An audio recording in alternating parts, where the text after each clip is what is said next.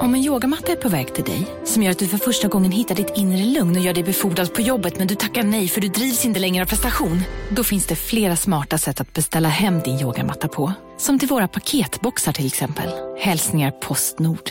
Välkommen till Momang, ett nytt smidigare casino från Svenska Spel, Sport och Casino där du enkelt kan spela hur lite du vill. Idag har vi en stjärna från spelet Starburst här som ska berätta hur smidigt det är.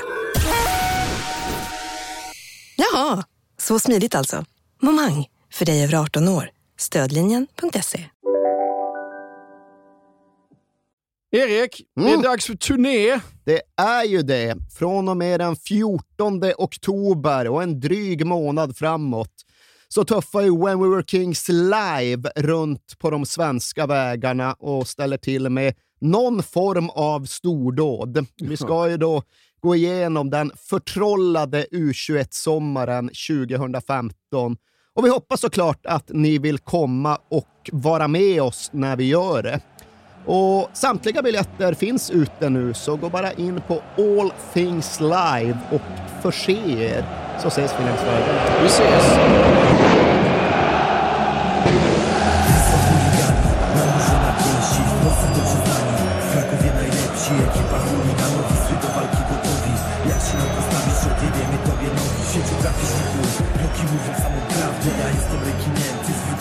Här Erik brukar ju jag ha snitsat ihop en, eh, en fin liten ingress till det vi ska prata om. Men eh, den här gången har jag faktiskt läst en text där ingressen var så pass bra så jag tänkte att jag bara snor den rakt på. Ja, här, här jobbar man hårt för bröd, Ja. brödfödan, hör jag. Löra. Absolut. This is the story of Wisla Krakow. Welcome to anarchy. Den var effektiv, Ja. det får man väl säga. Kort och pigg och bra. Och ja, det är väl någon sorts anarkistiskt, eller i alla fall laglöst tillstånd som vi ska redogöra för. Vi ska prata om en fotbollsklubb, men vi ska ju mer än något annat prata om en fotbollsklubb som kapades av gangsters på ett sätt som i alla fall jag aldrig har sett någon motsvarighet till i Europa. Men ja, har du, har du själv någon relation till Wisla Krakow historiskt sett? Nej, inte mer än att det är ett, man känner igen namnet och på något vis i bakhuvudet känns det som att det har bråkats rätt mycket där nere och det är kanske därför en hel del man känner igen det. va? Ja, så är det väl säkert, men samtidigt tror jag väl att ja, fram till och med millennieskiftet eh, så var Wisla Krakow för oss svenskar ja, men en stor polsk klubb bland andra. De hade vunnit en handfull ligatitlar där nere och var väl framförallt sammankopplad med svensk fotboll genom Europacup-kvartsfinalen 1979. Det var ju då Vissla stod mot Malmö FF och vann faktiskt den första kvartsfinalen hemma i Polen med 2-1 i snöstorm. Och när det sen var dags för retur i Malmö så var det kanske inte riktigt lika dåligt väder, men det märktes att det var en match som spelades på någon sorts vinterhalvår, för snödrivorna låg ju stora längs gamla Malmö stadions sidlinjer. Och länge verkade det vara Vissla som behärskade underlaget och förutsättningarna bäst. De tar ledningen med 1-0 och har då alltså ett rejält grepp om en semifinalplats med sisådär en halvtimme kvar. Men sen kommer då en av den svenska klubblagsfotbollens klassiska vändningar. Puskas Ljungberg gör två mål. Vi ligger i ett lika läge och då petar Tore Servin in målet som ger Malmö FF biljett till Europacup-semin och framåt.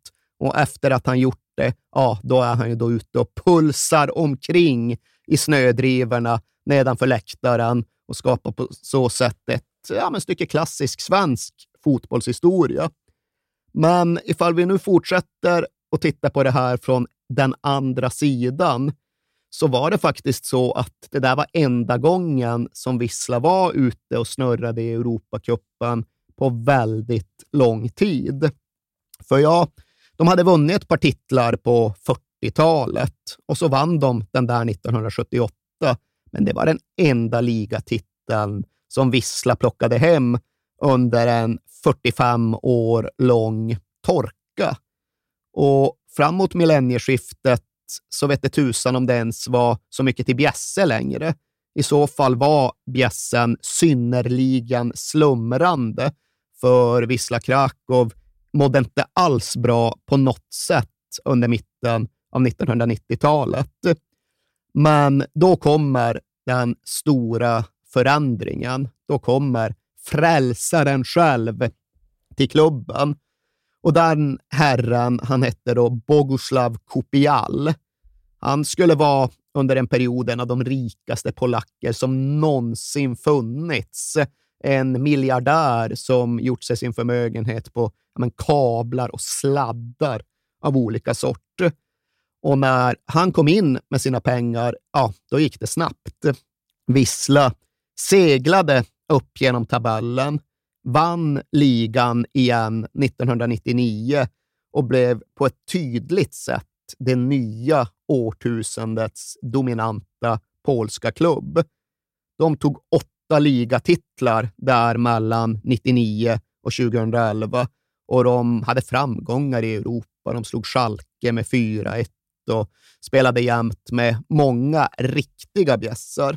De slog ju till exempel Pep Guardiolas FC Barcelona. Och det är ett dubbelmöte vi har nämnt tidigare, eftersom att det var den där som spelades när Pep precis hade tagit Barca och Leo Messi skulle iväg och spela OS och hela klubben var livrädd för de polacker som alltså var vissla. Jag tror faktiskt jag sa att det var Legia ja. när vi pratade om Barcelona. Ja, ja. Jag får passa på att korrigera mig själv. Men där vann ju Vissla returen och vid det laget var det redan avgjort.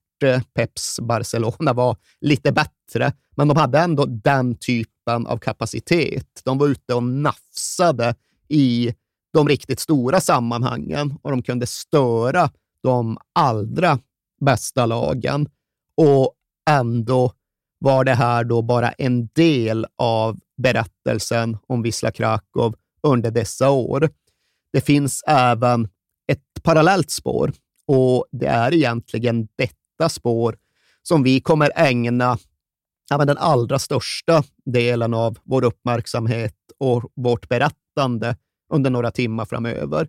För ja, det var ju anmärkningsvärt att Bogislav Kupial och hans pengar gjorde så att gamla Vissla blev bäst i Polen igen. Men det hände andra saker runt klubben som faktiskt var ännu mycket mer anmärkningsvärda. Ja, och då är det väl eh, hög tid att eh, introducera Pavel Michalski, Misiek och eh, hans eh, och liksom huliganfraktionen av eh, fansen som heter The Sharks, va? Ja, det är där vi börjar. Det är där vi kommer fortsätta. Det är i någon mån även där vi kommer sluta. För jag har läst en hel del böcker om dessa skeenden som pågick både på och utanför planen i Krakow. Och i alla fall en av dem gör den tydliga poängen att ja, ska ni förstå fotbollen i dagens Krakow, ifall ni till exempel skulle åka ner till stan och ta en guidad vandring genom fotbollens Krakow, ja, men då måste den allra första hållplatsen vara en liten mur mellan adressen Mieszowity 8 och Mieszowity 10 ute i Pradnikcevorny i nordöstra Krakow. Och här ska jag inte ens låtsas att jag är i närheten av att sätta några uttal, men poängen kvarstår. Det är inte någon av arenorna eller någon rådhusbalkong eller någon träningsanläggning som är den viktigaste platsen i fotbollens Krakow, utan det är den här lilla muren mellan två brutalistiska Sovjethus ute i en förort. Och på den muren, under 1990-talets första halva, ja, där satt då Pavel Michalski och hans polare från kvarteret. Och Pavel Michalski, Misiek, han föddes 1979, vilket innebär att han precis var på väg in i tonåren när ja, men, Sovjetblocket föll, kommunismen rasade och Polen blev ett helt annat land. Jätte jättebra och historiskt nödvändigt på de flesta sätt, men sannoliken inte heller oproblematiskt. Polen blev ju på många sätt ett, men det blev inte ett laglöst land, men det blev ju ett land med klart svagare samhällsstrukturer, klart svagare samhällelig närvaro när en tonårig Pavel Michalski och hans polare satt på den där muren och skulle hitta sig en kurs genom livet. Det var inte längre ner i den statliga fabriken som vägen gick och frågan var såklart vart den gick istället. Och det var en fråga utan självklara svar. Sen fanns det givetvis gott om alternativ att välja och det fanns inget oundvikligt i att Michalski och hans grabbar skulle bli fotbollshuliganer, men så blev det för dem. Michalski, ah, han var ju speciell. Hans aggressivitet och hans temperament och hans eh, fullständiga avsaknad av rädsla och ja, i någon mån hans ledaregenskaper och karisma märktes tidigt. Han utmärkte sig på läktarna ja, men precis när han ska in i tonåren. Han är 12-13 när han börjar ta plats och liksom vara konfrontativ och våldsam på Visslas gamla läktare.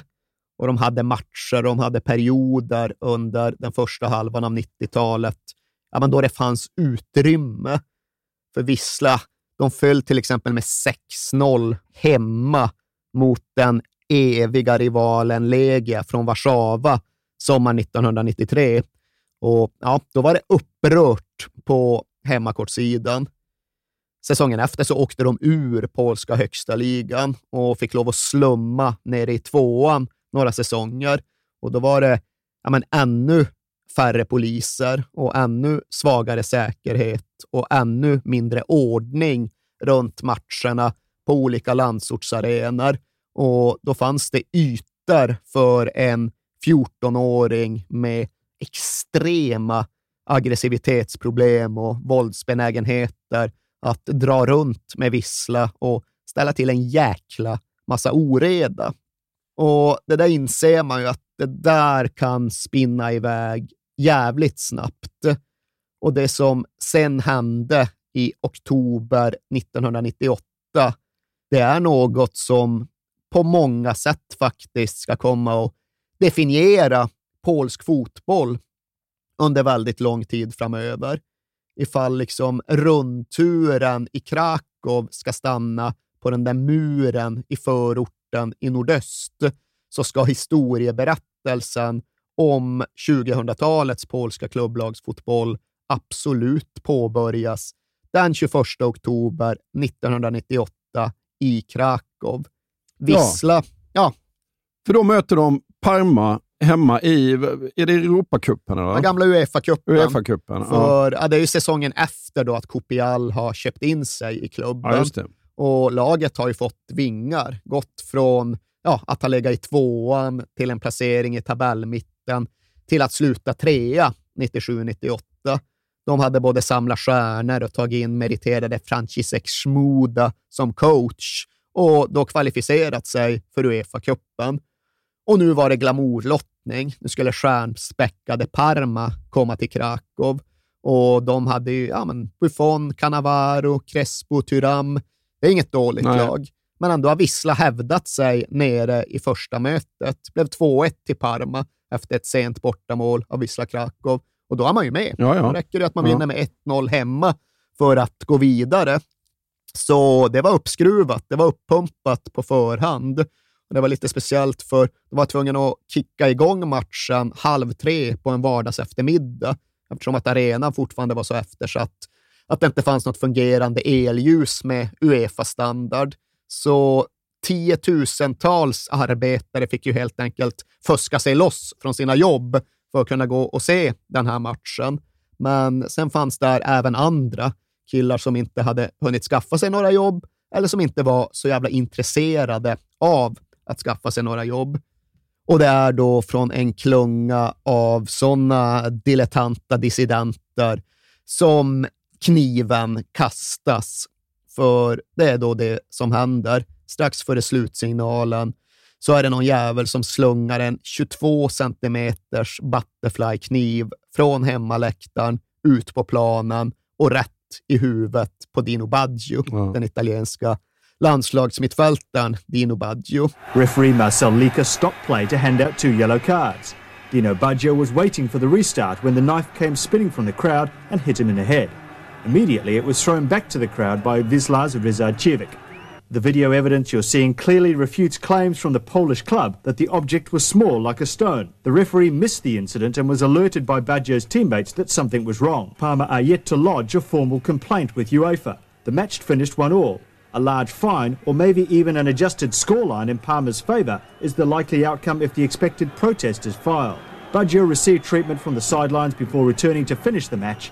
After the game, he needed five stitches. Jag vet inte, jag fattar det ju ändå som att den träffar inte med bladet. Liksom. Eller Nej, har, du, har du sett bilderna? Jo, jag har sett ja, men Den träffar mitt i huvudet på honom. Med, eh, det gör ju naturligtvis väldigt ont, och blir, men det är inte spetsen Nej, som exakt. Det är inte bladet, Nej. utan det är, det är mer bara en, en, en skada av trubbigt snarare än spetsigt våld ja. som uppstår. Och Dino Baggio får sy fem stygn, mm. men det är ju ändå liksom inte själva skadan som är grejen, utan det är ju skräcken för vilken sorts skada som hade kunnat uppstå. Mm. Och allt det här leder ju till en stor jävla polisjakt. Och klubbägaren Bogislav Kupial, han utlyser en stor privat belöning, sätter liksom ett pris på den skyldigas huvud. Och Det här är sen något som pågår i flera månader. Det är inte så att det görs några gripanden på plats eller samma kväll, utan under lång tid är det okänt vad fan som egentligen hände. Vem var det som kastade? Ingen som vet. Men ja, polisen tar inte lätt på den här händelsen.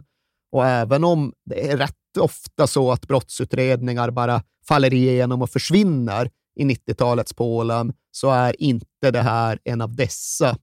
Och kanske påverkas också situationen av att åklagaren själv är en stor visslanhängare av den gamla stammen. Han är en visslanhängare som känner att hans klubb har skövlats och skändats i och med detta och han vänder på precis vartenda papper och varenda läktarsten för att identifiera den skyldiga.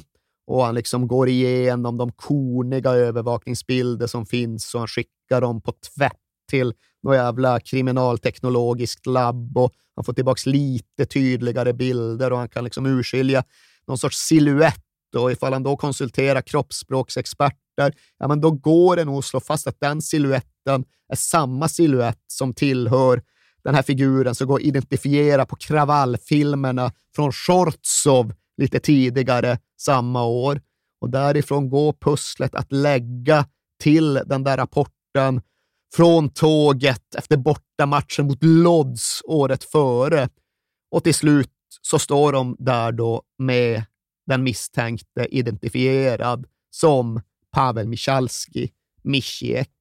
Jag måste säga jag är imponerad att de lyckades, för det är ju ingen som pratar i de här sammanhangen. Nej, och... det är det verkligen inte. Sen var ju det här i och för sig inte en händelse som var isolerad till de organiserade huligankretsarna. Mm. Utan det här var ju en händelse som skedde inför fulla läktare på, inte vet jag, var det 25 000 där ja. kanske? Och alla är ju sannerligen inte organiserade huliganer. Nej, nej, men han står ju i det. Ja, ja, men, ja. men det är ändå en, en ja. liksom brokig läktare. Ja. Det är inte alls lika slutet och lika skyddat som det sen skulle komma att bli och de har inte alls samma skräckkapital som de senare skulle få.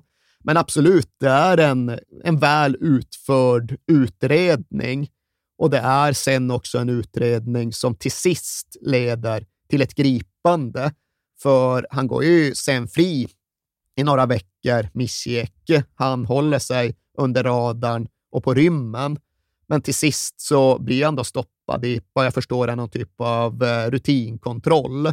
Och han blev stoppad. Alltså det var någonting med att han blev stoppad i samband med någon bordellverksamhet där det kördes kvinnor från den ena lokalen till den andra och han tydligen befann sig i en sån bil. Mm. Han blev stoppad, han blev identifierad, försökte givetvis köpa sig fri när han väl fick polisen på sig. Men de poliserna stod emot Pavel Michalski greps, fördes inför rätta och blev väl i och med detta då missgick med en stor del av det polska folket. Missgick nallebjörnen. Ja, nallebjörn. För när du, när du googlar på missgick så kommer det upp massa nallebjörnar. Ja. ja, det är väl liksom, som jag förstår det, en ordlek som dels anspelar på hans efternamn och dels då har att göra med att han blev en speciell typ av nallebjörn. Och väl gripen så dömdes han och han dömdes dessutom ganska hårt. Han fick sex och ett halvt års fängelse mm. för att ha kastat kniven mot Dino Baggio. Och på detta lades sedan ytterligare ett par straff. Han befanns då skyldig till att ha deltagit i de här kravallerna i Shortsov, då 52 poliser skadades efter stenkastning. Och han blev dessutom befunnen skyldig till att ha misshandlat en polis på ett tåg hem från en bortamatch i Lodz. Och det var augusti 97 och det var första gången Misjek förekom i polisregister. Och det var liksom lite så konfunderad ton i den rapporten. För ja, det var lite rörigt på det här tåget. Vi gick in, vi bad om eh, ID-handlingar och den här tonårskillen bara bad oss dra åt helvete. Han vägrade visa något i det. han vägrade samarbeta överhuvudtaget. Och plötsligt så slog han bara ner en av oss och stod och sparkade på honom. Och, ja, det, var, det var faktiskt ovanligt aggressivt beteende även i de kretsarna. Mm.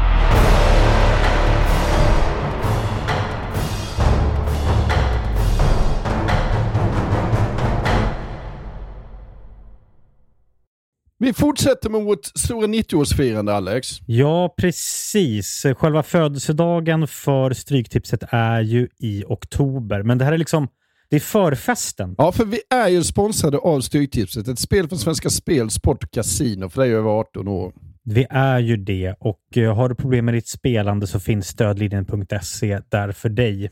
Och jag uh, funderar lite så här, undrar hur många som har haft 13 rätt genom de här 90 åren som har eh, förtjänat den här respekttröjan. Liksom. Vi firar ju på vårt speciella sätt med våra kära lyssnare som ja, älskar Stryktipset och har skickat in historier till oss om eh, hur Stryktipset har påverkat dem i 90 minuten. Och fortsätt gärna skicka in de fina historierna till kings at perfectdaymedia.se. Har vi någon historia idag?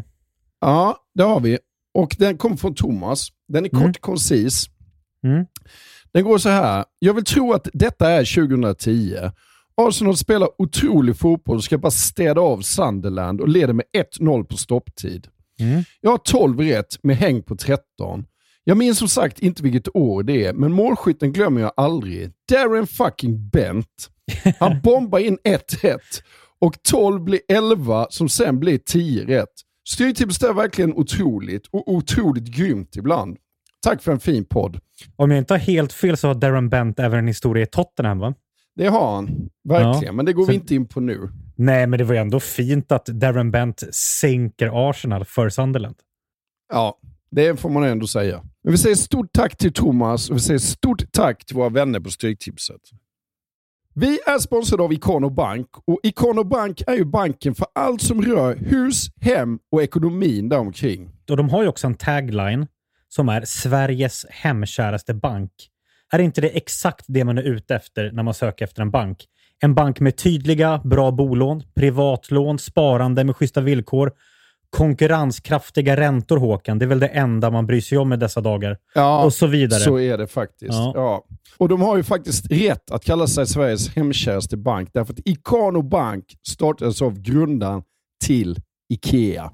Precis. Om inte det är hemkärt så kan man verkligen fråga sig vad hemkärt det är. Ikano Bank har precis släppt en större rapport som heter Tre dimensioner av rikare boende. Mm -hmm. Där man undersökt och presenterat statistik kring vad svenskarna värdesätter med sitt boende. Och deras första undersökning visar ju någonting ganska häpnadsväckande. Eller hur? Det gör ju det. Kan du, kan du berätta? Ja, den visar att trots det höga ränteläget så har mindre än hälften av svenskarna vidtagit någon form av åtgärder det senaste året för att förbättra sin boendeekonomi. Ja, det låter ju inte så bra kanske. Nej, det gör det ju verkligen inte. För att undersökningen genomfördes i augusti och det är bara 45% som har gjort det. Och av dessa har endast 16 procent av bostadsägarna förhandlat om lägre ränta. Mhm. Mm. Många verkar ju ha en uppfattning om att det är jobbigt och krångligt att byta bank, vilket det inte är. Fler borde kolla upp om du kan spara pengar genom att byta bank. Därför uppmanar vi er att ta kontakt med Ikano Bank eller gå in på ikanobank.se för att se om du faktiskt kan få en bättre ränta. Vilket är en no-brainer med tanke på hur ränteläget ser ut, eller hur? Verkligen, så är det ju. Vi säger stort tack till Ikano Bank.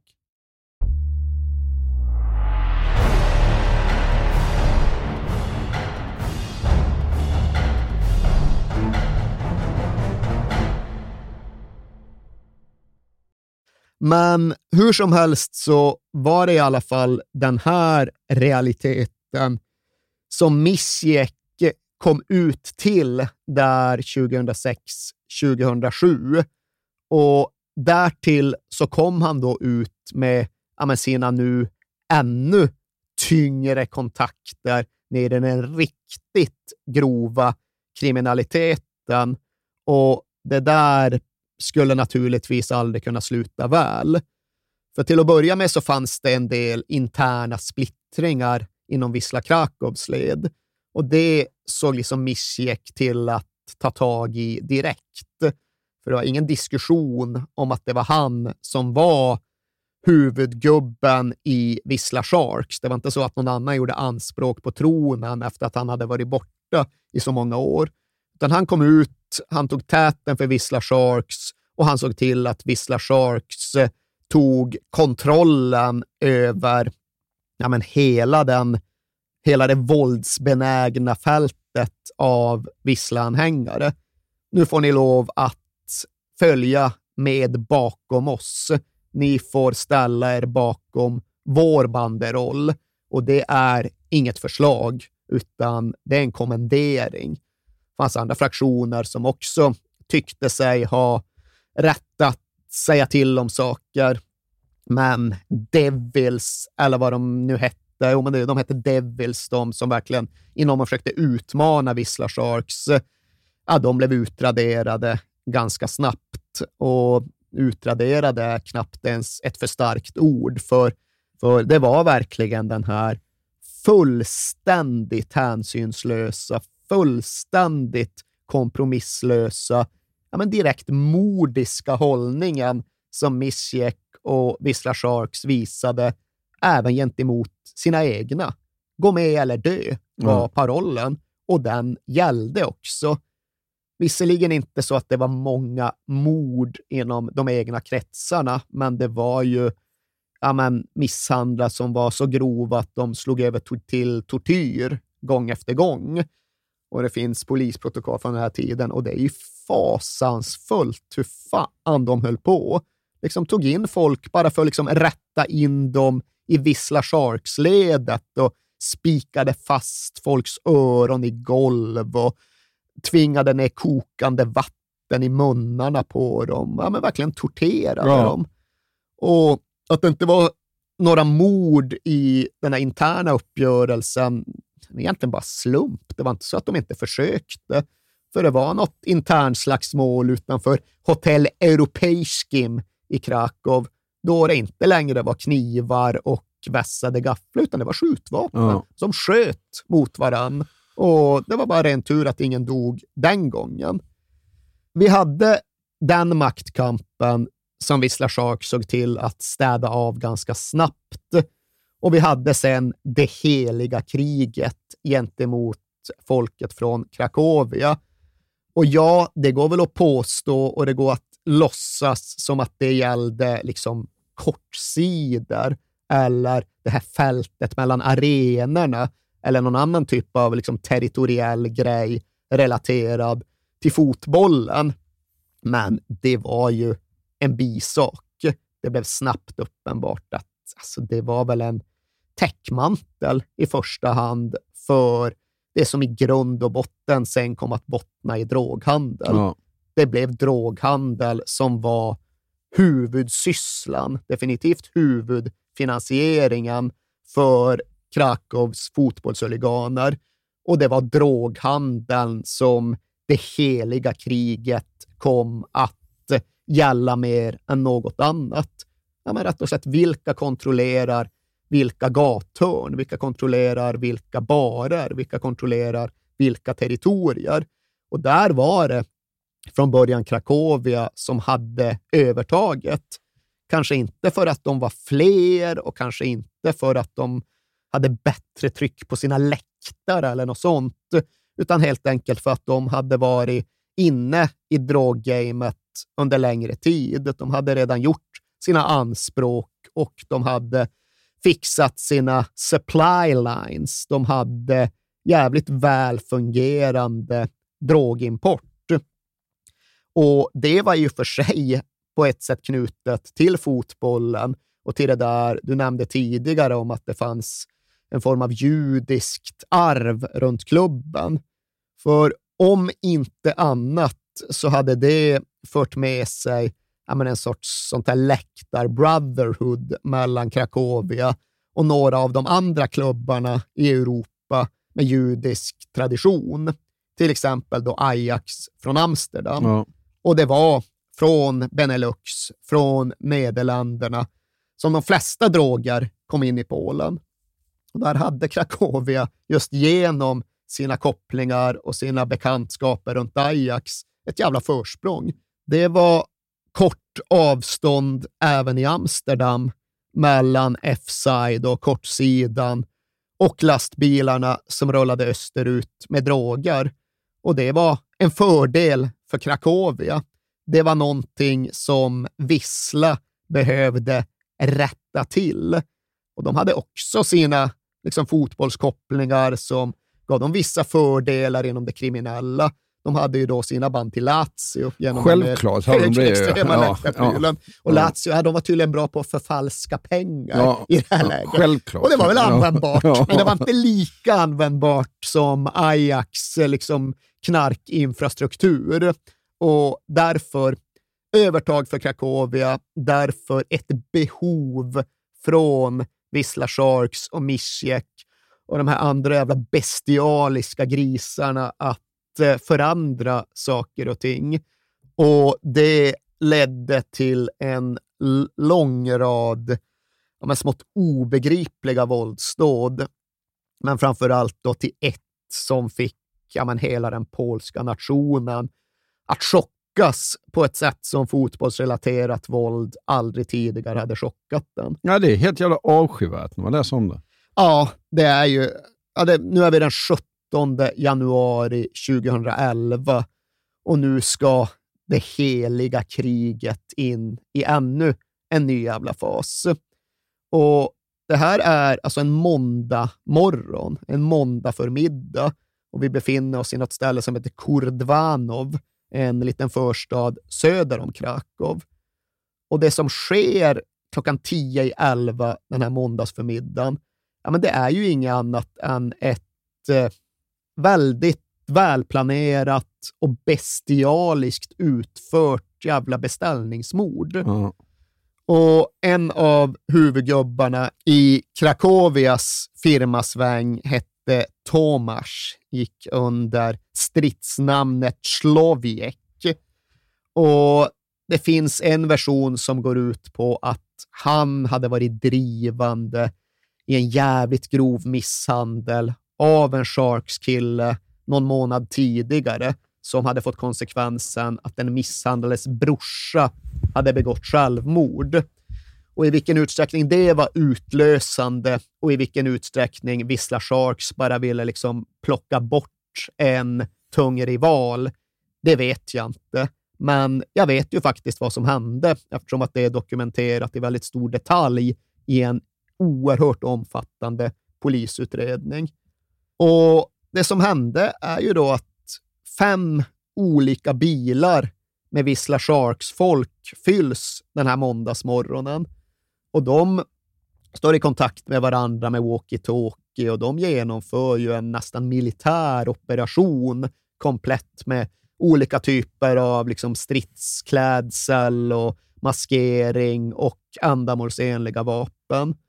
Och någon av bilarna har väl liksom ansvar för spaning och rekognosering. Någon annan har ansvar för någon typ av prejning och sen finns ja, man, rena mordfarkoster också. Och när de väl har identifierat denna Tomas eh, på väg från sitt hem, ja, då sätter de den ena bilen i förbindelse med den andra. De meddelar om att okej, okay, nu är det dags. Så de prejar den där jäkla bilen som han kör i. De tvingar ut honom. De eh, förföljer honom i rask takt tills de lyckas tränga in honom på någon bakgård där ett par sopgubbar håller på att arbeta. Och man ser på övervakningsfilmerna som finns hur den här Tomas ja, men desperat försöker komma springande men krascha in i några soptunnor. Och medan knivhuggen viner runt honom så försvinner han sen ur bild och försöker att klättra upp i den här sopbilen för att på något sätt få skydd eller flykt, men blir ju i kapphunden av ja, men, ett tiotal beväpnade Vissla Sharks-människor. Och sen så ja, styckas han ju med det. Ja. Liksom det. Han massakreras. Han dör efter att ha fått 64 mer eller mindre allvarliga skador åsamkat sig. Och det är 34 knivhugg, 12 skärsår, tre huggsår och jag vet fan inte allt. Och det finns de från Vissla Sharks håll som i efterhand har liksom inofficiellt låtit meddela att ah, det var inte tänkt att mörda honom. Liksom, tanken var ju mest bara att liksom, tufsa till honom och skrämma karln. Alltså, hugger ni någon 60 gånger med knivar och machetes och yxor så finns det nog en rätt stor sannolikhet att det går som det går. Ja, det får man ju verkligen säga.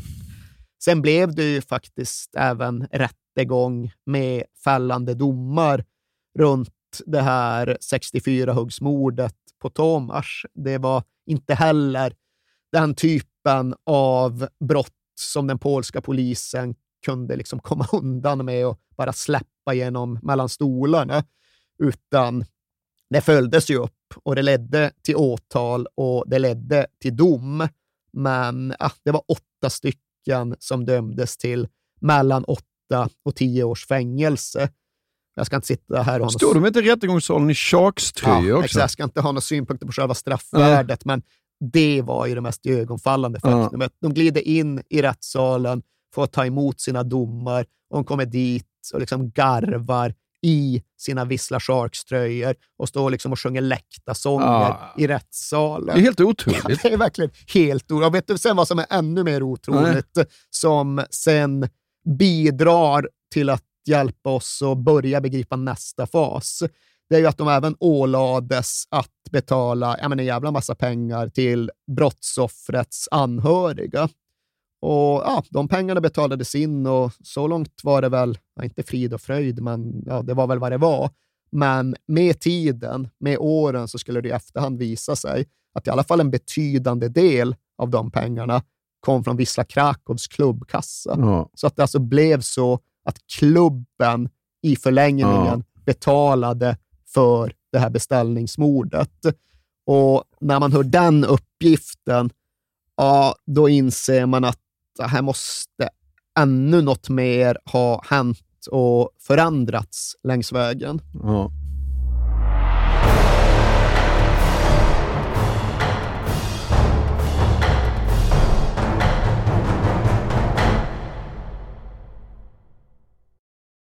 Och hur gick det till då? Ja, det är sannerligen en lång och snårig historia.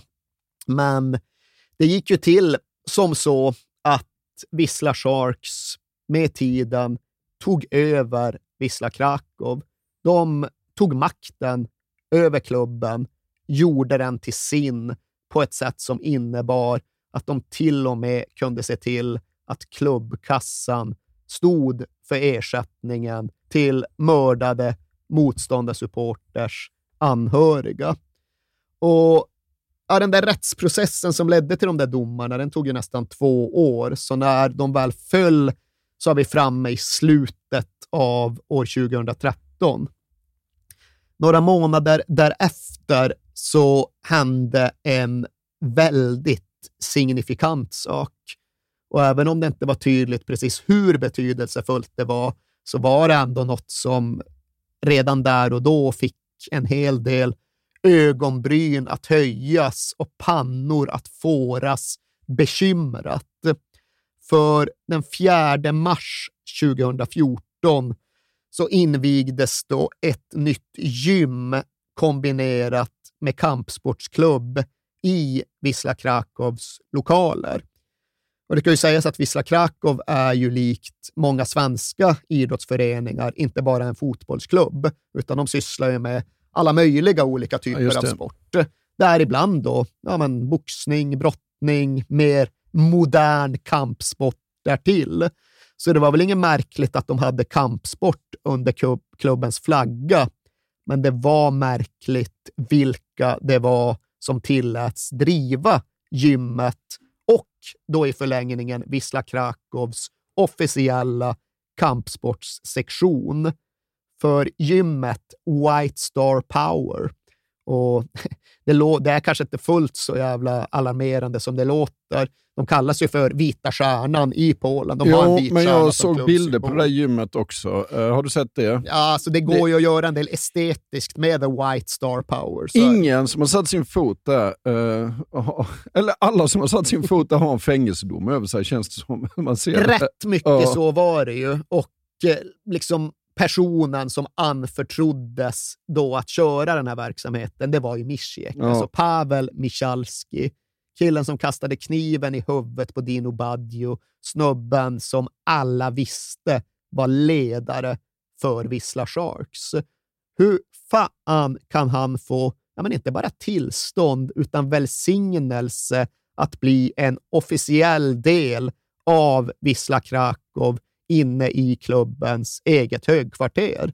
Ja, det var ju frågor som ställdes, men Wisla Krakow hade vid den här tiden en svag klubbledning som mest bara mumlade saker om att jo, men nu vill de här gossarna bättra sig. De tänker inte likadant som de gjorde förut, utan de vill gå den rätta vägen. Och det är såklart att det är mycket bättre att vi har de här nära oss än att de är ute på gatorna och ställer till oreda. Och de kan ju bli positiva förebilder som kan få våra unga att välja bättre stigar genom livet. Så det här tror vi jättemycket på. Det kommer vara en positiv och konstruktiv sak för Vissla och för hela staden Krakow. Och jag fan vet om det var någon som trodde på det själva när de sa det. Fan vet om de var naiva eller godtrogna eller bara vettskrämda och hotade eller någonting mittemellan. Men liksom den där fasaden, den var ju så tunn så att, ja men precis som du säger, det räckte ju med att gå in på det där gymmet Ja. för att fatta att det här är nog ingen liksom uppbygglig, lite scoutdoftande verksamhet för Det var inga yogakurser där inne du. Men det visade ju sig, ja, visst de hade ju så MMA och K1 och Muay Ja. Thai och allt vad fan det heter, men det visade ju sig nästan omedelbart att de hade ju också ja, men kurser, schemalagd träning för gatustrid. Ja. Det var liksom officiella Ja. träningspass. Ja. Här har vi även Wisla Krakows gatustridssektion. Ja. De kör i vårt gym som ligger precis här bredvid omklädningsrummet. Och Det var ju också bara början på det som får sägas vara en fullskalig infiltration av Wisla Krakow. Det var i och för sig något som hade pågått ett tag och det var någonting som ja, men, kunde genomföras, inte minst för att Wislas officiella supporterorgan också ja, men sedan länge var penetrerat och så gott som liksom övertaget av Wisla Sharks. För det kan man ju ändå begripa att klubben vill ha goda band till den officiella supporterföreningen. Det är klart att de ska få fördelar och de ska få hjälp. Och Det fanns till och med liksom en situation som innebar att för varje såld biljett till hemmamatcherna så fick den officiella supporterklubben en zloty Ja. och det är väl typ 2,50 lite knappt. Så ja, men hade de 30 000 på matchen mot eh, Legia så är det ändå 75 000, 80 000 spänn ner i supporterföreningens fickor Ja. som ja, då visade sig vara Wisla Sharks fickor. Och där fanns det ju massa problematik med så här, liksom, vilka var egentligen publikvärdarna och vilka hade hand om biljettregistren och vilka hade nycklar till vilken del av arenan. Och, ja, men det var hur problematiskt som helst när det väl kartlades, för ja, det visar ju sig dels då att folk från supporterföreningen hade gått igenom adressregistren på borta fans och sen bara lämnat det till Vissla Sharks och sagt okej, okay, han och han och han kommer. De bor här ifall ni vill veta det. De kommer sitta här om ni vill veta det. Ja, bara så att ni känner till det. Liksom. Ja. Sen kan ni använda den informationen som ni vill. Och ja, men, flera gånger när Vissla Sharks folk verkligen greps och dömdes så visade det sig att de hade haft förtroendeuppdrag eller till och med anställningar inom Wisla Krakow. En av dem som dömdes för det 64-huggsmordet, han hade ju varit anställd inom Wisla Krakow. Och allt detta accelererade och accentuerades sedan snabbt efter att White Star Power-gymmet Wisla Krakows kampsportsgren hade fått riktigt fäste. För från kampsporten så spred det sig till andra sektioner och från biljettkontoret spred det sig till andra lokaler i högkvarteret. Och precis samtidigt, det var typ samma vecka som White Star Power invigdes, hade Vissla hemmamatch mot Ruch Shortsov.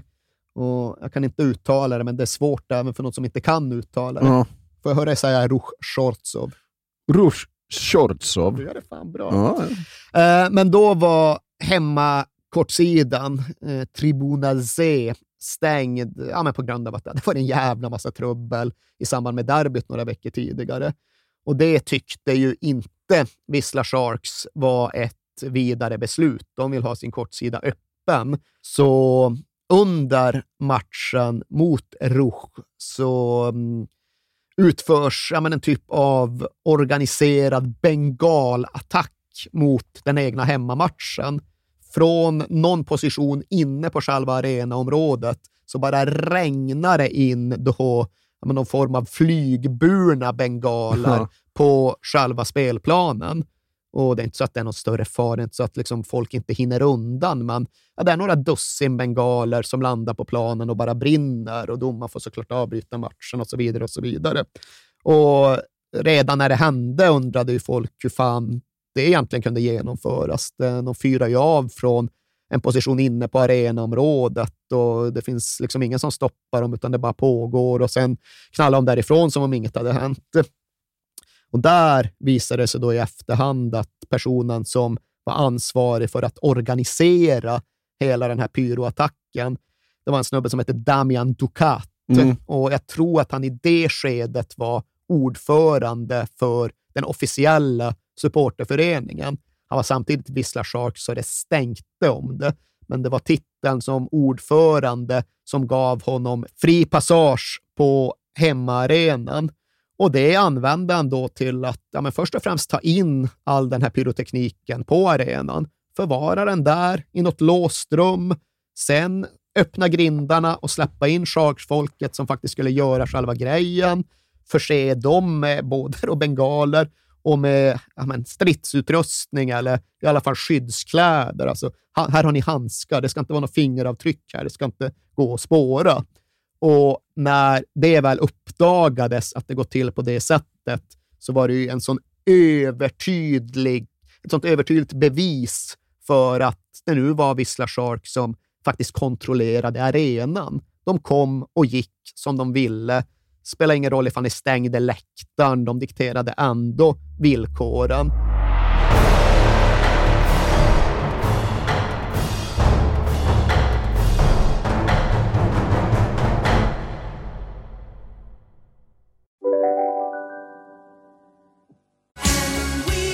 Just nu till alla hemmafixare som gillar Julas låga priser. En 90 liters skottkärra i galvaniserad plåt för glänsande Jula klubbpriset 399 kronor. Inget kan stoppa dig nu. Ah, dåliga vibrationer är att skära av sig tummen i köket. Ja! Bra vibrationer är att du har en tumme till och kan scrolla vidare. Få bra vibrationer med Vimla.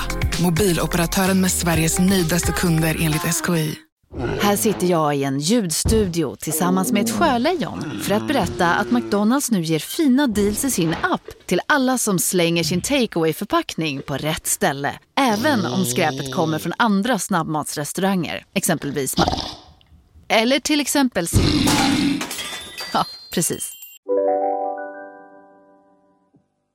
Men här är det ändå, liksom, ja, kan det vara ett år, ett och ett halvt, då alla inblandade och berörda så gott som ändå fortsätter upprätthålla den här charaden som går ut på att Mischiek och hans gubbar ska vara den här positiva kraften som nu har sadlat om till någon typ av renlevnadsfigurer. Men den eh, ganska skrattretande illusionen, den knäcks ju, den spricker till sist. En solig sommardag i Göteborg av alla platser. För eh, det ska vara match mellan Slask Wroclaw och Blåvitt i kvalet till Europa League, men den matchen hinner ju då inte börja innan puben John Scotts på Avenyn blir attackerad strax efter 15 på eftermiddagen och 33 polacker grips. Och för de som kunde sina polska vänskapsband på den här tiden så var det då välkänt att Slask hade ett friendship med dels Lecha Gdansk och dels Wisla Krakow. Och det innebar att de gjorde det här till någon typ av gruppresa där de samlade liksom avskum från alla hållkanter och hörn. Och det började sprida sig. Jag kommer faktiskt ihåg att det liksom spreds i realtid redan den här dagen. att aha, Göteborg var beredda för det som nu närmar sig är fan inte roligt. De radar ju upp sig vid något jävla havsbad eh, någonstans längs västkusten på väg upp, de här gubbarna. Och den lagbilden de tar Jag har sett den också. Ja. Det, det, ja, det är så otäckt. Jag bara titta på ja, den. Ja. Vad kan det vara? Liksom 50-60 snubbar. Ja. Alla är ju anabola, grova, tatuerade 150 kilo snubbar med rakade huvuden. Och man bara, ja, ja, han vet vad detta, vart detta tar vägen. Nej. Och efter då att 33 gripits och lokalpressen konstaterat att alla är hemmahörande i Polen, så ställs just den frågan i, jag tror det är GT. Är det inte konstigt att alla gripna och omhändertagna är från Polen? Den frågan ställs då till Christer Fuxborg, presstalesman i, för polisen i Västra Götaland. Och han svarar, eller inte. Det kanske är som så att våra göteborgska fans tar sitt sunda förnuft till fånga och retirerar och springer åt ett annat håll. Har man en övermäktig motståndare kanske man väljer sina krig. Och det var alltså polisens presstalesman som formulerade sig så. Och jag tänker inte sitta och liksom fångas i någon huligansnöre där man ska sitta och bedöma vilka som är tuffare, de ena eller de andra. Men det här var ju då liksom ett pack av ja, men delvis dömda mördare som åkte upp till Göteborg för att ha lite kul. Ja. Jag tror inte att det var liksom deras allra mest taggade samling, utan det var mer liksom så här, lite semesterskönt för gubbarna att åka dit och ha lite lattjo. ser de ut, de elitstyrkorna? Om de här såg ut så? Ja, nej, men det är nog elitstyrka, men det är nog elitstyrkorna som inte liksom är på sitt allra mest stridssugna humör. Nej. Men det är, ja. lite, det är lite lattjo liksom. Men de här 33 gripna, de togs fast i lite olika omgångar. Några blev tagna direkt utanför John Scotts på Avenyn. Men sen observerade också polisen att det var ett gäng som slängde sig in i fem bilar och bara drog därifrån så snabbt de någonsin kunde. Och de där bilarna tänkte fan polisen fånga in, så de skickade till och med upp en polishelikopter i luften för att hålla koll på dem och drog sen igång en, ja, men en regelrätt jävla biljakt, så vitt jag förstår det. Och till sist får de då toppstopp på två av de här bilarna i Backamo, en bra bit norr om Göteborg. Och när de då liksom, ja, omhändertar dessa och börjar identifiera dem och stämmer av dem mot polska register, ja, då visar det sig att just de här två bilarna som de har fått stopp på, de innehåller sju pers ur Vissla Sharks absoluta ledarskikt. Där fanns någon som var dömd för ett mord på en Arka Gdynia-supporter. Där fanns några som precis hade undkommit dom för det här 64-huggsmordet. Och där fanns ju då även Misjek. Pavel Michalski, den rehabiliterade och rättänkta och ansvarstagande gymägaren som ju nu aldrig mer skulle göra några dumheter, hade ju för sig redan en dom hängande på sig nerifrån Polen. Han hade snott en, ett halvdussin machetes på en järnaffär halvannat år tidigare. Det är sånt som händer. Ja, det är sånt som ja. händer och det var bara någon sån där struntdom som bara liksom låg kvar ovanför honom. Det var inget som... Ett halvdussin machetes. Klart man ska ha det liksom. Men ja, nu hade han då bevisligen åkt från Krakow över Östersund upp till Göteborg för att tillsammans med snubbar från Slask och Lech Gdansk delta i en attack mot John Scotts på Avenyn. Och han hade gjort det tillsammans med andra ur sitt gamla umgänge som inte låtsades vara laglydiga, respektabla medborgare. Och det totalt innebar ju att det gick liksom inte att hålla på och hålla på längre. Det, det är klart att han var minst lika dunderkriminell som någonsin tidigare. Det var givet så att hans status, hans position inom Vissla Sharks var exakt lika upphöjd som någonsin tidigare, om inte mer. Det var någon inom den polska polisen vid den här tiden som gjorde observationen att men inne i en cell så hade någon av de fängelsedömda Sharks-killarna ersatt ja, men, liksom Kristusporträttet ovanför sängen med en bild på Misjek. Det var liksom nästan till en gudalik ställning han hade bland sina egna. Och det var en makt som ja, men, tycktes i alla fall gränsa till oinskränkt.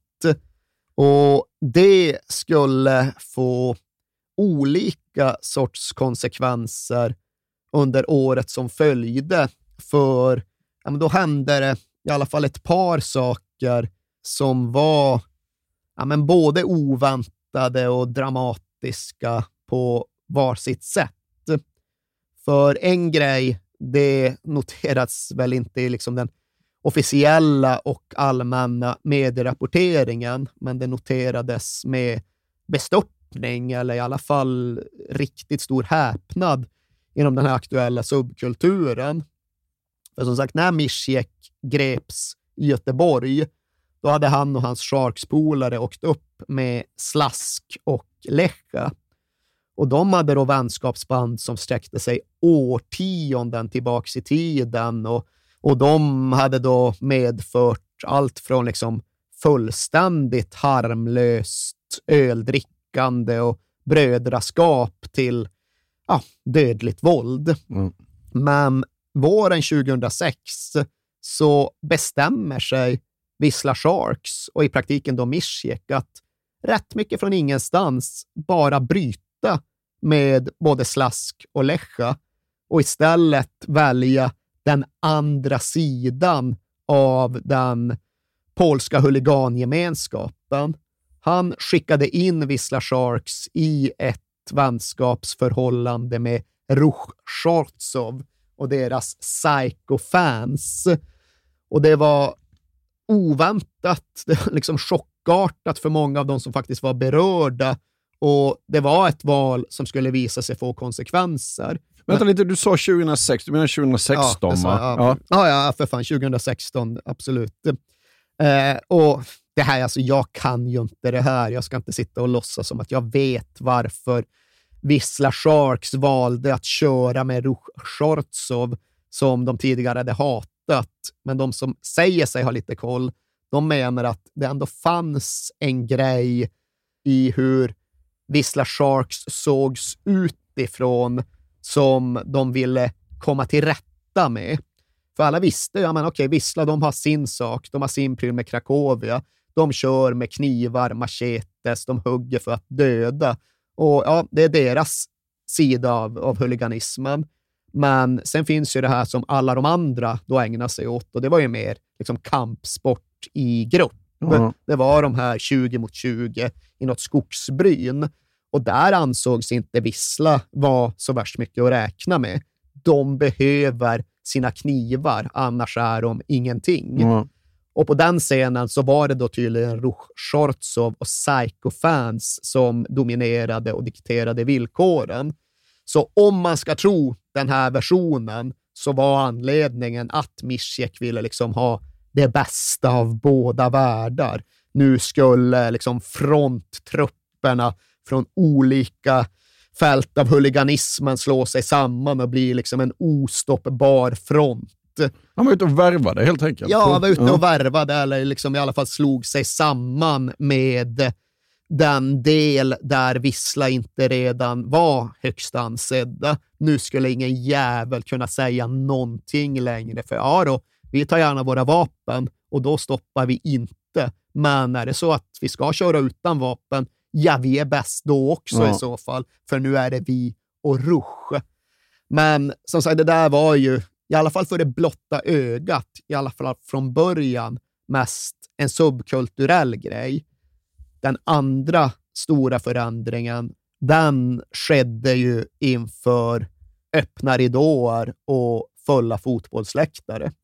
Ja, för Boguslav Kopial bestämde sig för att sälja klubben, va? Ja, alltså det var det lite tufft för Kopial, för miljardären Kopial och hans Telefonica under några år.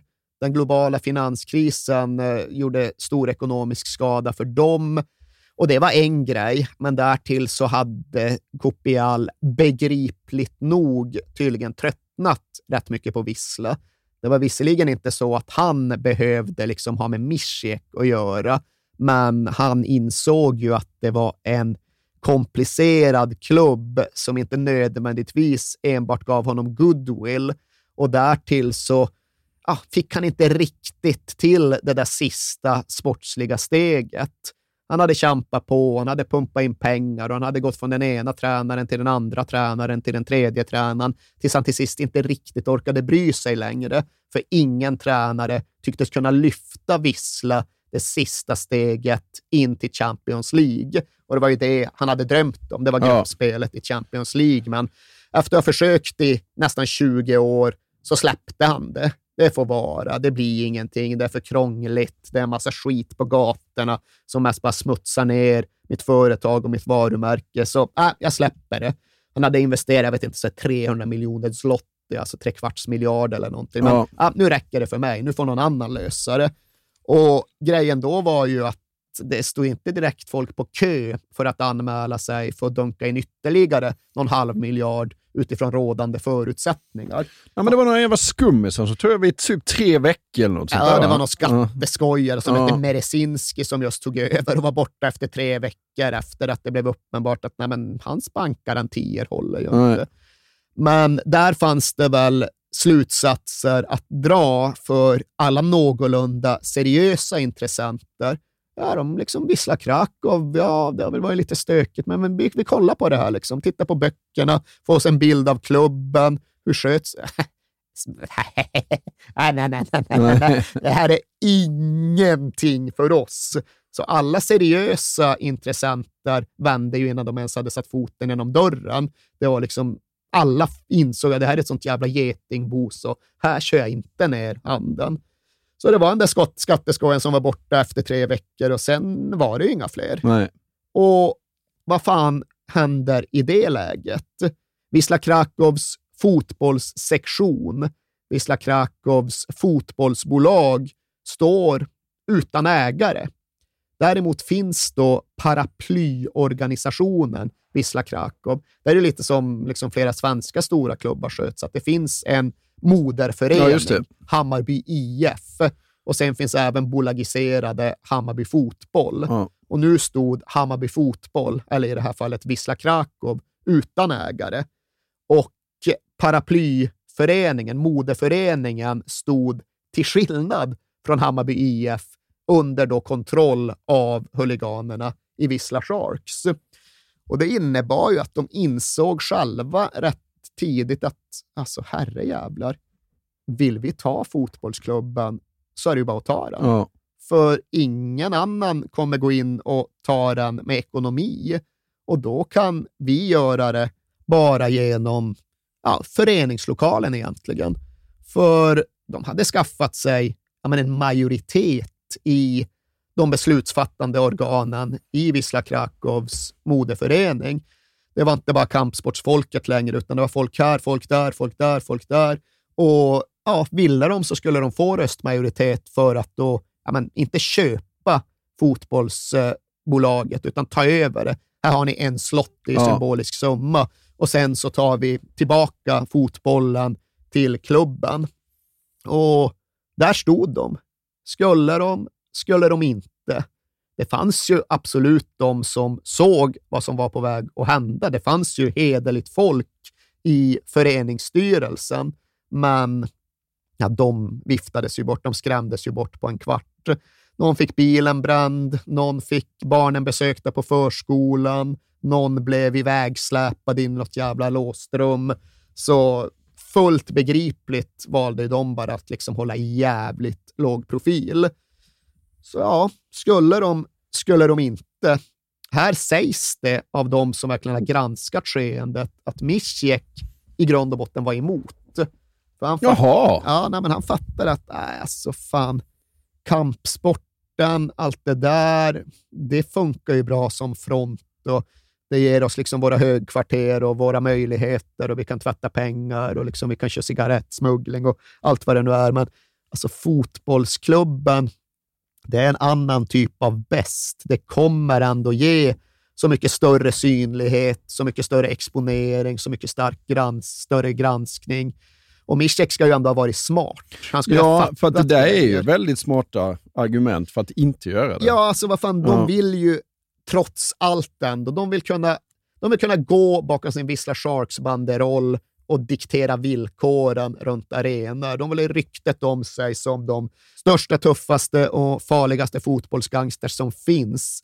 Men därefter så ville väl i alla fall Mischek i grund och botten mest köra sin knarksmuggling och sin beskydda verksamhet och ja, sitt kriminella jävla konsortium. Ja, det vill man ju inte ha uppmärksamhet på. Det var precis så resonemanget gick. Men samtidigt så var det en diskussion och liksom, det var ju andra i Shark som hade fotbollen som, ett mycket, som en mycket större del av sina liv och som ändå återgick, vad fan, Vissla Sharks, vi var, vi är ändå en fotbollsfirma. Här kan vi göra något som ingen firma tidigare. Vi kan ta över vår egen klubb. Vi kan göra det till vår klubb. Fattar du hur jävla coolt? Ja, jo, men det var ju så det pratade. Det var ju så det tänktes. Och de som just säger sig ha insyn, de hävdar ja, men till slut Mischek bara slänger bara okej, okay, vad fan, kör och ha lite kul.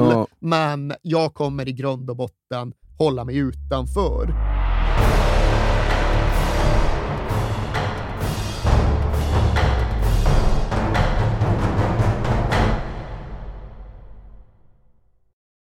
Så de gör det?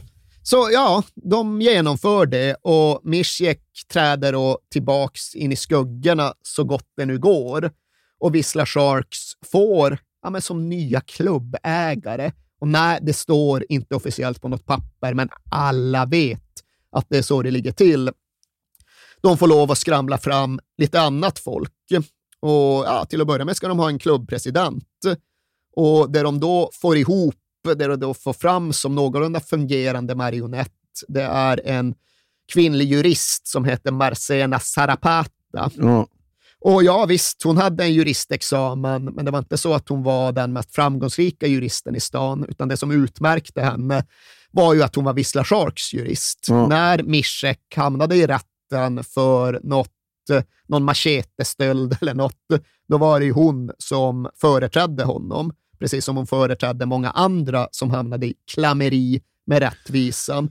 Och hon hade därtill även liksom hennes, eh, hennes trovärdighet som engagerad i Vissla. Ja, den ansågs då komma ur att hon minst hade varit delegat inom kampsportssektionen. Ja, just det.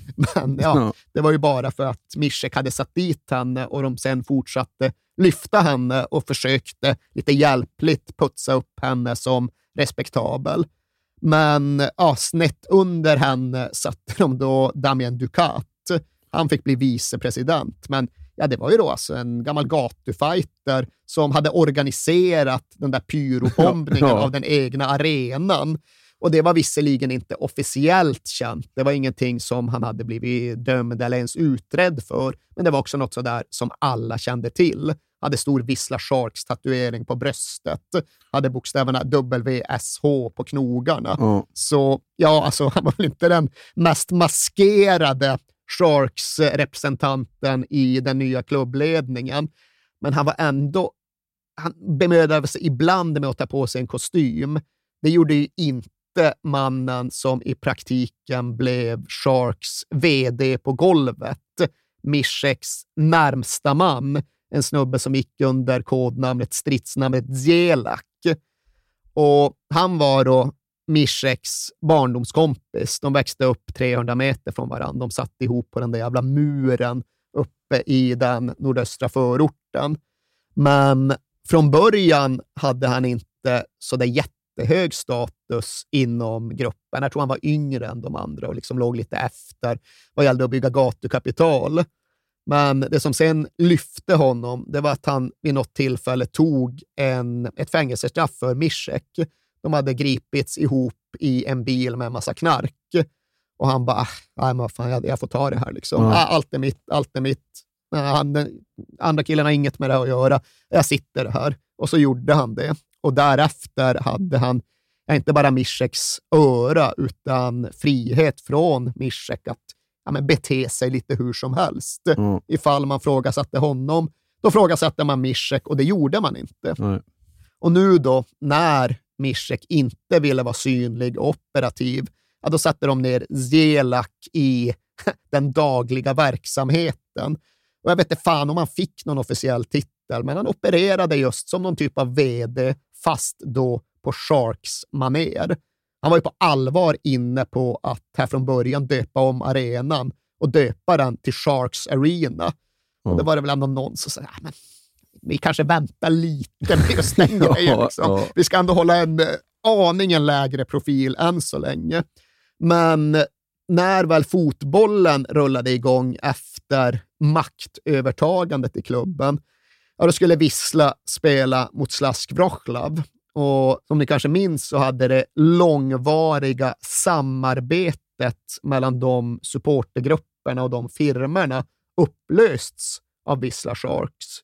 Och det innebar nu att ja, men gamla vänner hade blivit bittra fiender och det betydde att det behövde visas grejer på planen. Så dagen innan matchen, när det ska vara ja, men så genomgång och tränarsnack och taktikdragning, ja, då stormar Zelak in i A-lagets omklädningsrum. Och själv ser han det som att ja, men jag ska hålla ett välbehövligt peptalk. Liksom. Nu ska jag bara liksom förklara vad det här betyder. Men ja, han står ju där och skriker och hotar och det är könsord och det är liksom aggressivitet och ja, det är ja, det, det är ingenting som någon av spelarna där inne tidigare hade upplevt. Och visste de inte det sen tidigare fick de ju förklarat för sig att ja, men nu är det så här är att det, det är huliganer som styr klubben numera, så det där är typ vår chef. Ja. Ja, vad fan. Och i efterhand är det en av spelarna som anonymt har berättat om att ja visst, jag kände väl skräck, men jag kände ju kanske ännu mer skam och förödmjukelse och ilska för okej, det här är då bevisligen en farlig jävla bandit, men jag har alltså tränat hårt under hela mitt liv och kämpat och strävat och nu står någon jävla fängelsekund och skriker och vrålar och hånar mig och liksom försöker förklara hur jag ska spela och vad jag ska göra. Alltså, fan. ja, det är alla förolämpning. Ja. Och det är inte så att det tog skruv direkt, för Vissla gick sen ut och förlorade mot Slask med 5-1 och förlorade därefter, eller i samband med det, sju matcher i rad. Och hur tror du Vissla Sharks reagerar på detta? Nej, det är ju inte alls Ja, det är inte vad de hade Nej. tänkt sig. Så då ska de ju liksom agera utifrån ja, hur de ser att det ska ageras. Så det sparkades ju till höger och vänster, hej vilt, och inom sporten och utom sporten. Båda ASS-tränarna fick gå direkt, för de hade då försökt liksom spä ut Jelaks budskap på ett eh, på ett sätt som inte var konstruktivt. Och då fick ju managern också nog Darius Vidovcik för han pallar väl två månader. Men sen bara, jag tackar för mig, det här går ju inte. Och i sidan av sporten så är det klart att de gjorde ju upp med folk och fiender från förr. säkerhetschefen i Vissla, han hade suttit där i över 30 år, men ja, du fattar själv, säkerhetschefen. Ja, du. Ja. Han åkte ju ut med, på två jävla röda såklart.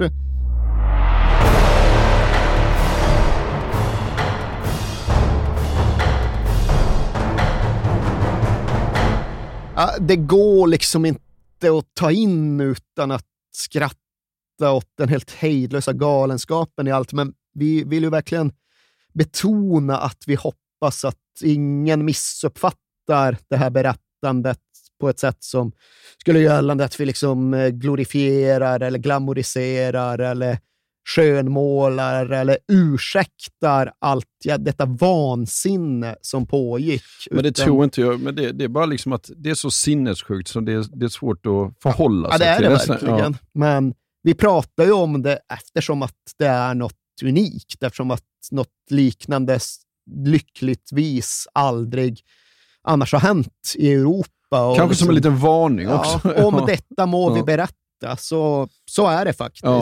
Men ja, nu är vi då ett drygt år in på Wisla Sharks-styret av Wisla Krakow och ja, men vansinnet bara galopperar iväg. Och det finns ja, men så många olika skildringar och vittnesmål som vart och ett för sig får en att gapa. Liksom, någon gång hade de tydligen en snubbe bunden i den allmänt öppna klubbrestaurangen. Alltså liksom pojklagsspelare kom in och skulle äta efter sitt pass och föräldrarna, och ja, just det, där i hörnet sitter någon snubbe bunden med ögonbindel. Ja. Och liksom så i flera timmar. Så Ja. där. Man fick sitta bunden där för, ja, för att.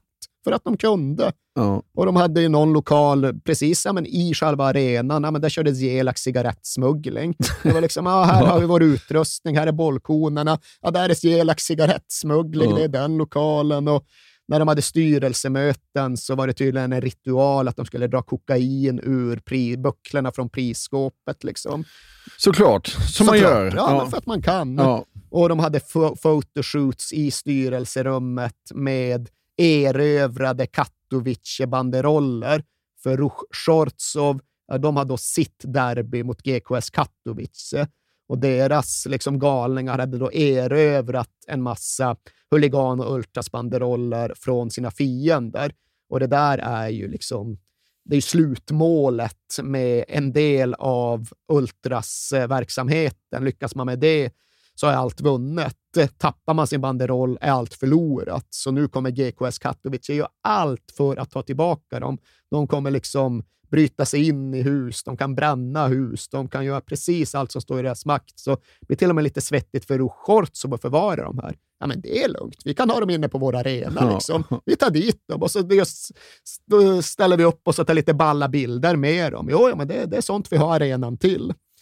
Och till sist var det också, ja, men det är någon av de här Shortsov-människorna som jag berättar är att ja, vi var uppe och liksom, ja, de hade väl säkert gjort någon jävla indrivning eller haft någon fight eller någonting, men sen de ska fira efteråt, ja, men in i styrelserummet och så sitter de där och så börjar de dra fram en massa lister på olika spelare. Ja, men de knutet till den agenturen, de knutet till den agenturen. Här, vad fan, välj några liksom. Vilka tycker ni att Ruch ska värva? Så, han, han, han. Alltså, vadå, vi, kan, vi har ingen makt här, liksom. vi kan inte bestämma något. Nej, just det, just det. Nej, nej. Vi tänkte ta den här och den här. Och sitter den där killen från Shots och bara, alltså, vad fan, jag är bara en vanlig enkel huligan. Ja. Vad är det här Ja. för någonting? Och där, med den frasen, eller vad man nu ska säga, så inleds väl någon början till någon typ av slut. För ja, Ruch, de hade värvats av Mischek för att ja, men de i hög utsträckning var bättre fighters än vad Wisla Sharks var. Men de var sämre gangsters. Ruchortsov, ja, de var väl i grund och botten alltjämt en fotbollsfirma i första hand. Wisla Sharks var en gangsterorganisation, ett brottssyndikat i första hand. Och de intressena kom ja, men med tiden att kollidera. För trots all jävla oförsiktighet och all dumdristighet så hade Mischek med sin jävla järnhand ändå lyckats hålla polisen borta från Wisla Sharks kärna. De kom inte åt dem. De kunde liksom göra gripanden i anslutning till våldsdåd, men droghandeln och allt det där, de kom inte fram. Men då riktade de istället in sig på Ruch Shortsov. Det som sägs i Polen det är också att Katowice-polisen är bättre än Krakow-polisen. Mm. Mer pålitlig. Och när de liksom klämde åt mot Ruch, ja, då började deras tuffa psycho-fans faktiskt att läcka. Och de läckorna kom ju då även att eh, inkorporera och kriminalisera Vissla Sharks. Det var inte så att de satt på alla hemligheter och visste allt och kunde sälja ut allt, men de visste tillräckligt mycket för att ge polisen någonting att gå på mot Vissla Sharks. Ja, men de hade väl drogsamarbeten också. Det var ju också en grej att de låg ju inte så där fruktansvärt långt från varandra i Rent geografiskt. Nej, nej. Så att de hade ju sådana samarbeten med. Det hade de och där någonstans brast de skott som tidigare trotts varit vattentäta. Och nu börjar vi närma oss slutet av den andra säsongen under Shark-styre och nu börjar polisen ha så mycket på sina utredningsfötter att det är dags att slå till. Det är dags att gå in och liksom faktiskt plocka de misstänkta, de ansvariga, de ledande inom både Psychofans och Vissla Sharks. Och det här är ingen liten polisoperation. Den förbereds under veckor, under månader. Fler och fler blir inblandade ju närmare tillslaget vi kommer. Och till sist, alltså det är nästan tusen poliser från antiterrorstyrkor och fan vet vad som ska genomföra det här tillslaget. Och det gör de då den 21 maj 2018. Då slår polisen. De slår framför allt mot ja, men ett alldeles särskilt drogsyndikat. Ett drogsyndikat med högkvarter på Wisla Krakows arena och kansli. Och tillslaget får väl i stort beskrivas som lyckat. De får tag på de flesta de vill få tag på. De får tag på Zelak och de andra och de gör ju gott om fynd i Wisla Krakows lokaler. Men det finns ett stort betydande problem och det är liksom att ja, men, huvudmåltavla nummer ett har kommit undan. Ja, för att Misjek har flytt till Italien, va? Yes. Till Lazio såklart. Ja, det, ja. det är klart. Alltså, ja. det, även här finns det olika versioner, för det är klart att polisen hade span på Misjek och det är klart att det var notabelt att han valde att lämna Polen den 19 maj 2018. Tillslaget skulle ske den 21, men tydligen så valde polisen att ja, men, vi låter honom gå, för det är inte Lazio här på söndagen. Han ska bara ner dit och stöka och sen kommer han hem. Mm. Det är så det alltid brukar vara. Men så var det ju inte den här gången. Och där är det just oklart huruvida Mischek hade blivit tipsad på förhand, när han hade blivit tipsad, om det fanns poliser som ville att han skulle komma ut ur landet eller varför han tilläts åka därifrån. Men han satte sig på en Wizz Air flight till Bologna för att eventuellt se Inter Lazio den 20 maj och sen kom han ju såklart aldrig tillbaka Nej. till Polen igen. The world of criminals and football come together. Soccer hooligans from Wisła Krakow, who are behind stadium brawls, are not only responsible for dealing drugs and beatings, but also murder. They are an organized gang and have their own men in the management of the club. Now, the club is trying to distance itself from the revelations made during TVN's Supervisor program. Football hooligans shooting flares within their own stadium trying to stop a match of their own team, fighting in the stands, and training for such fights in buildings that belong to the football club. This is what has been going on in Krakow for years now, because as it was discovered by TV and Supervisor journalists, the hooligans are very influential among the Wisła Krakow Football Club authorities. Ja, för då sände deras liksom polska motsvarighet till Uppdrag granskning kan man väl säga? Ja, va? det kan man väl. Supervisor. Supervisor. Sen det ett ja, väldigt gediget och bra grävande reportage om klubben. Ja, fotboll och gangsters Ja. som det rubricerades på nationella TVN. Modigt också får man väl säga. Ja, alltså personen som låg bakom det reportaget, som har skrivit böcker och mängder om artiklar om allt detta, heter Szymon Jadzak. Och det är ju absolut det närmaste vi kommer en hjälte i hela den här historien. Och det är hans arbete, hans grävande, hans mod som har uppdagat ja, men lätt 75 procent Ja. av det som vi nu redogör för och pratar om och refererar. Så det är liksom en journalistisk bragd Ja. han har utfört och han har gjort det i en kontext där de flesta andra inte ens vågar sticka ner sin blyertspenna.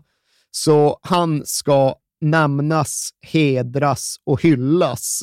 Och ja, men hans reportage, det detonerade verkligen. Alltså, det blev en större grej när det sändes än när specialpolisen slog till mot Wisla Sharks och Wisla Krakows eget högkvarter. För här var det liksom grafiskt och det var filmat och det var underbyggt på ett sätt som ja, men i grunden gjorde det omöjligt att tvivla på, att ifrågasätta att det hade gått till på precis det här sättet som vi nu har berättat. Liksom hela händelsekedjan låg utnystad och alla kopplingar mellan Wisla Sharks och Mischiek och själva klubben var preciserade och förklarade. Så det fanns liksom inga tvivel. Och det var här som ja, men Polen verkligen vaknade. Just för att ja, men nu går det inte att låtsas längre. Fram till och med mitten av september 2018 så hade ja, men hela Krakow hade vetat. Ja. Och alla de som brydde sig hade om inte annat förstått i samband med polistillslaget. Men det var kanske alltjämt ändå inte allmän kännedom hur långt allt verkligen hade gått, hur grovt allt faktiskt var. Men ja, nu fanns det ingenstans att gömma sig längre. Nu var allt ute i ljuset. Och det innebar ju att ja, men dominobrickorna fortsatte falla en efter en snabbare och snabbare och snabbare. Och ja, men de som fanns kvar i klubbledningen, de här marionetterna, Marcena Sarapata och Damien Ducat, ja, de tvingades ju ut, piskades fram för att ja, men göra lite press. Men det gick ju åt helvete. Ja. Där satt han Damien Ducat och liksom, ja, du är ju Wisla Sharks och nu är du vicepresident i Wisla Krakow. Vi börjar där. Ja. Eh, nej, nej, nej, nej, ja, jag är inte Ja. Wisla Sharks. Okej, den här svinstora tatueringen av en haj på bröstet, den har inget med saker ah, Får vi se dina knogar? Så nej, det gick ju sådär och det gick sådär åt alla håll för han bara, nej, nej, nej, jag har inget med Nej, jag förnekar, jag har aldrig slagits. Vissla Sharks, nej men de är ju vilka grisar liksom. Jag skulle aldrig drömma om att beblanda mig med sånt. Då Då gjorde han ju Vissla Sharks också förbannade. Ja, ja, ja. Så, Men vad fan sitter du och säger jävel? Så ja, men han brände ju ut sig i alla jävla riktningar och pressen på alla berörda intensifierades dramatiskt. De hade trots allt kvar sin storsponsor, alltså bettingföretag LV-bet, Ja. och de fick ju gå bara ja, ni får ju lov att styra upp det inom en kvart, annars drar vi var in varenda jävla slott. Ja. Och det var ju det sista, liksom. det var en sista intäktsström de hade. Och polisen fick också sitt, eh, sina, sina hajar varma. För ja, när man såg det där reportaget så blev det, ja men det är Mischek, det är honom som, det är han som måste inför rätta. Varför har han inte tagit honom? Ja. Nej, vi lät han flyga ut för se Inter Lazio två dagar före tillstånd. Ja. Men vad fan, det kan ni ju inte göra! Och då fick liksom polisen lov att snäppa upp några hack de också. Och sen gick det ju inte, det gick inte ens två veckor innan Mischek greps nere i Italien, i Casino 14 mil sydost om Rom. Sen är det ju för sig lite oklart om det var för att liksom, polackerna hade fått Interpol att agera på ett internationellt sätt och mobiliserat italienarna, eller om det bara var en rutinkontroll av en gammal skruttig Fiat. Faktum är att realiteten tyder nästan på det sistnämnda, för de ja, gjorde den där rutinkontrollen, insåg att det var falska papper papper och tog fingeravtryck och fattade att okej, här har vi att göra med någon som är internationellt efterlyst. Men lika fullt så släppte italienarna Mischek efter bara, tror jag, en natt i häktet. Och numera finns det ju vissa tvivel inom EU-apparaten på det polska rättssystemet. Ja. Det har vi egentligen inte varit inne på överhuvudtaget, men det har ju hänt en del med den politiska och i förlängningen den juridiska situationen i Polen. Så det gick att liksom gå vägen där det utövas någon sorts påtryckningar. Nej, men det går inte att lita på polsk rätt längre. Han kommer inte få en rättvis behandling. Nej, på något sätt så försattes han på fri fot. Aha. Och det framstod ju som helt obegripligt och på alla bara, ja men nu går han ju under jorden. Ja. Nu lämnar han ju kontinenten. Men istället så valde Mischek att liksom träda ut i offentligheten. Jag fattade det som att han skulle inställa sig på polisstationen i kasino varje dag bara för att ha närvaro. Det tror jag han sket ja. Men han tog liksom ner sin familj, sin fru och sina barn. Och själv, alltså han var ju brottsling på riktigt, så han hade ju såklart inga sociala medier eller något sånt där. Men hans fru hade Instagram och där syntes han normalt sett aldrig till. Men nu visar han upp sig dag efter dag på glada semesterbilder, så taggade, geotaggade med exakt Jaha. vart de var och så där. Och folk undrar, vad fan är det där nu då? Och sen gick det några dagar och sen ställde han upp familjen för att posera inför någon form av foto. Och då har han själv en skylt på polska, då, D kolon informatör syftar förmodligen på den här Damien Ducato som mm. alla i Vissla Sharks hade blivit förbannade på några dagar tidigare och som då ja, kanske hade börjat samarbeta med polisen. Och Det var väl en sak att han stod med den, men sen hade han givit sin dotter en skylt och där stod hon med en skylt. Frihet för VSH. Jag vet och jag skäms inte. Mm. Och man bara, ja, det är väl kanske inte det mest Nej. smakfulla du kan göra. Men kontentan av det där, att han liksom höll sig synlig trots att han någonstans var på flykt undan rättvisan. Det slutade med att han en dag i stort sett bara gick och lämnade in sig själv på polisstationen igen. Ja. Och då är väl teorin bland till exempel Szymon Jadczak och ja, de journalister som verkligen följer och har insyn i detta, att han utnyttjade den här fristen han ändå hade fått, de här ja, men två veckorna eller vad det nu var frågan om, till att knyta ihop de affärer han behövde knyta ihop, sopa ja. igen de spår han behövde sopa igen, göra upp med dem han nu behövde göra upp med. För han insåg någonstans att äh, med den här Interpol-efterlysningen, inte ens han skulle liksom kunna gå under jorden för all framtid, utan det var nog frågan om att ja, just lösa det som kunde lösas och sen möta det som skulle mötas.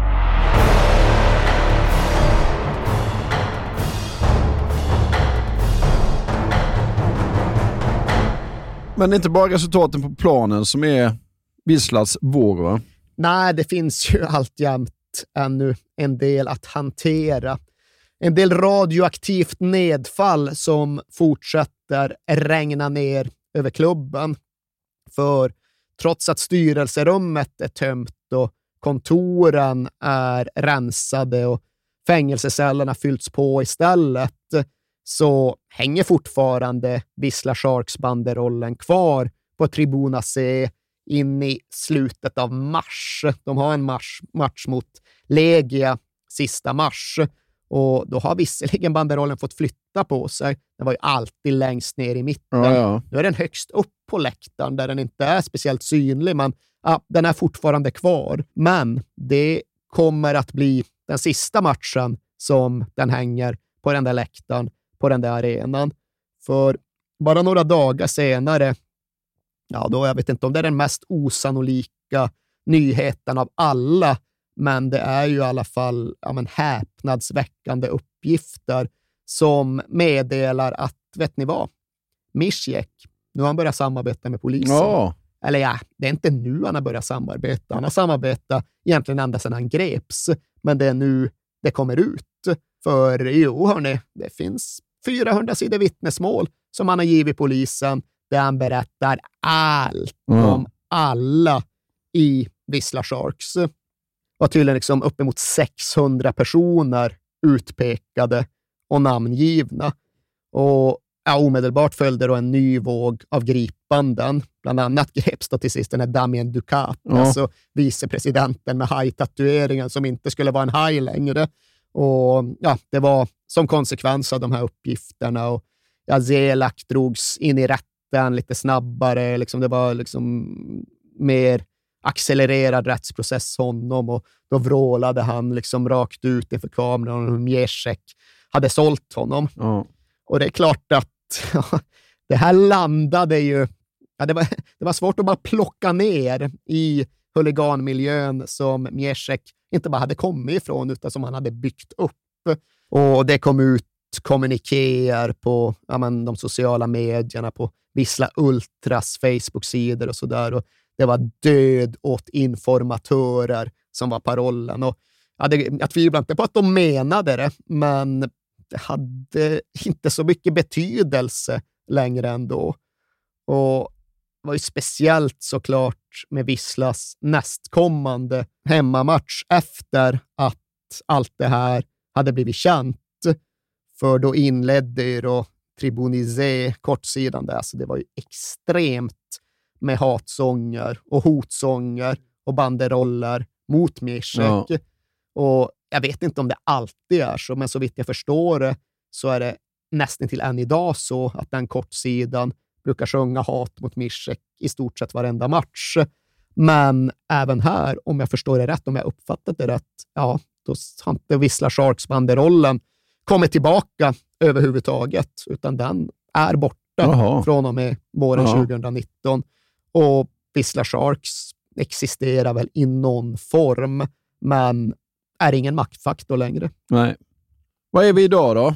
Ja, alltså vi är i en situation då det som behövt hända har hänt slag i slag, men där det lika fullt förblir en väldigt lång väg att vandra på stigen tillbaka. För alltså, ordningen har så gott det nu går återställts. Det började med att ja, själva moderföreningen, paraplyorganisationen Wisla Krakow, utsåg en ny, riktig, fungerande styrelse sommaren 2019. Den bidrog sen till, eller den tillät därefter att fotbollsklubben, fotbollsbolaget Wisla Krakow, skulle få nya ägare året därefter. Och ja, de nya ägarna blev ju Kuba Blaszczykowski och hans affärspartners. Han blev en av Europas första spelande ägare och klarade det hjälpligt. Vissla har ju inte haft någon kraft i sin satsning och sitt spel de senaste säsongerna, men de har tagit precis tillräckligt många poäng för att klamra sig kvar. Pandemin slog hårt mot dem, men pandemisäsongen 2019-20 överlevde de ändå med en placeringsmarginal till nedflyttningsstrecket. Säsongen därefter, ja, då blev det en ny trettonde plats, men de hade flyttat ner nedflyttningsstrecket, flyttade bara ner en klubb, Jaha. så då var det inte riktigt samma Nej. fara på det omtalade taket. Och samtidigt som fotboll har spelat så har väl ja, men rätten rullat på, men de kvarnarna mal långsamt. Det dröjde ända tills februari i år, alltså februari 2021, innan rättegången mot Miszek faktiskt påbörjades. Och den håller på än idag. Ja. Och jag har inte riktigt fattat, jag vet inte om det är någon som vet det, huruvida... Alltså han är anklagad för typ 180 brott, Ja. men han har ju då samarbetat, han har ju sjungit ut. Ja. Och jag har inte riktigt förstått vilken typ av strafflindring det här kan tänkas medföra. Det kommer såklart medföra att Pavel Michalski kommer att upphöra att existera. För oavsett var och när han avtjänar sitt fängelsestraff så kommer han ju sen inte gå ut på gatorna under sitt riktiga namn någonsin igen, utan han kommer ju sättas i någon typ av vittnesskyddsprogram där hans nära familj tydligen redan ingår. Ja. Så ja, de kommer ju försvinna. De kommer inte längre existera. Men ja, så gott som alla i Wisla Sharks gamla toppskikt väntar ju nu på dom på sina fängelsestraff för ja, in kommer de att åka. Det råder inget tvivel om den saken. Det är ju ja, på väldigt goda grunder. En av åklagarna som jobbar med allt det här, han har uttryckt det som att Vissla Sharks, det har varit ett av Polens absolut farligaste gangstersyndikat. Kanske det allra farligaste. Och visst, åklagare, de talar väl alltid lite i egen sak när de trummar på skrämseltrumman. Men någonstans kontextualiserar det ju ändå Vissla Sharks, för är du ett av 2000-talets farligaste gangstersyndikat i Polen, ja. Ja, då är det inga skojiga snubbar du pratar om. Och Vissla Sharks var verkligen, verkligen inga skojiga snubbar. Och det är ju för väl vi numera kan prata om dem i någon typ av dåtid, i någon typ av imperfekt. Och huliganismen i Polen, i Krakow, runt Vissla, den är inte utraderad. Nej. Absolut inte. Det kommer nya grupper och det har redan kommit nya grupper, men det kommer väl ändå aldrig kunna bli så här igen. De kommer väl aldrig kunna ta över en hel klubb och styra den efter eget perverterat huvud någonsin igen. De kommer i alla fall inte kunna ta över detta Wisla Krakow, för den klubben är ju numera i någorlunda trygga händer. Så högt förtroende har vi allt för Kuba Blasjikovski att vi vågar säga det. Och numera är det hans storebrorsa David Blasjikovski som är president. Och vi får väl se exakt vilken roll Kuba tar framöver. Deppigt nog har han ju gått och dragit korsbandet, Aha. så vi får se om och när han spelar fotboll igen. Själv säger han att han ska göra det och det brukar bli så han säger, ja. som han säger, så vi hoppas ju. Men ja, just nu är ja, det, är inte stans, det är inte Polens bästa lag, Wisla Krakow direkt. Okej okay, start på säsongen i och för sig, men bara nu i fredags så var de i Poznan och förlorade med 5-0 mot Lech. Så det är inget kanongäng. Nej. De kommer nog få kämpa mot nedflyttning den här säsongen också. Men det må väl vara hänt dagens Wisla Krakow, det är en fattig klubb. Det är en rätt svag klubb, men det är i alla fall inte längre Europas största gangsterklubb. Gå med mig Bakom skuggor ser du solen